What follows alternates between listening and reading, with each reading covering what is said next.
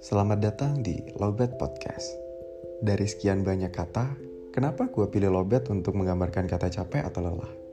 Mungkin karena gue suka menganalogikan sesuatu kali ya. Selama itu relate, why not kan? Jadi menurut gue bukan cuma HP atau gadget doang yang bisa lobet. How about human? Manusia juga bisa sampai ke titik lobet loh. Tinggal tergantung berapa presentase lobetnya aja. 50%, 40%, atau bahkan 5-1%. So guys, Lowbat Podcast adalah tempat kalian untuk pulang, untuk sharing keluh kesah kalian. Jadi, mulai sekarang, untuk kalian yang merasa lagi berjuang sendiri, kirim cerita kalian ke email atau sosmed gue yang ada di deskripsi ya. Welcome home.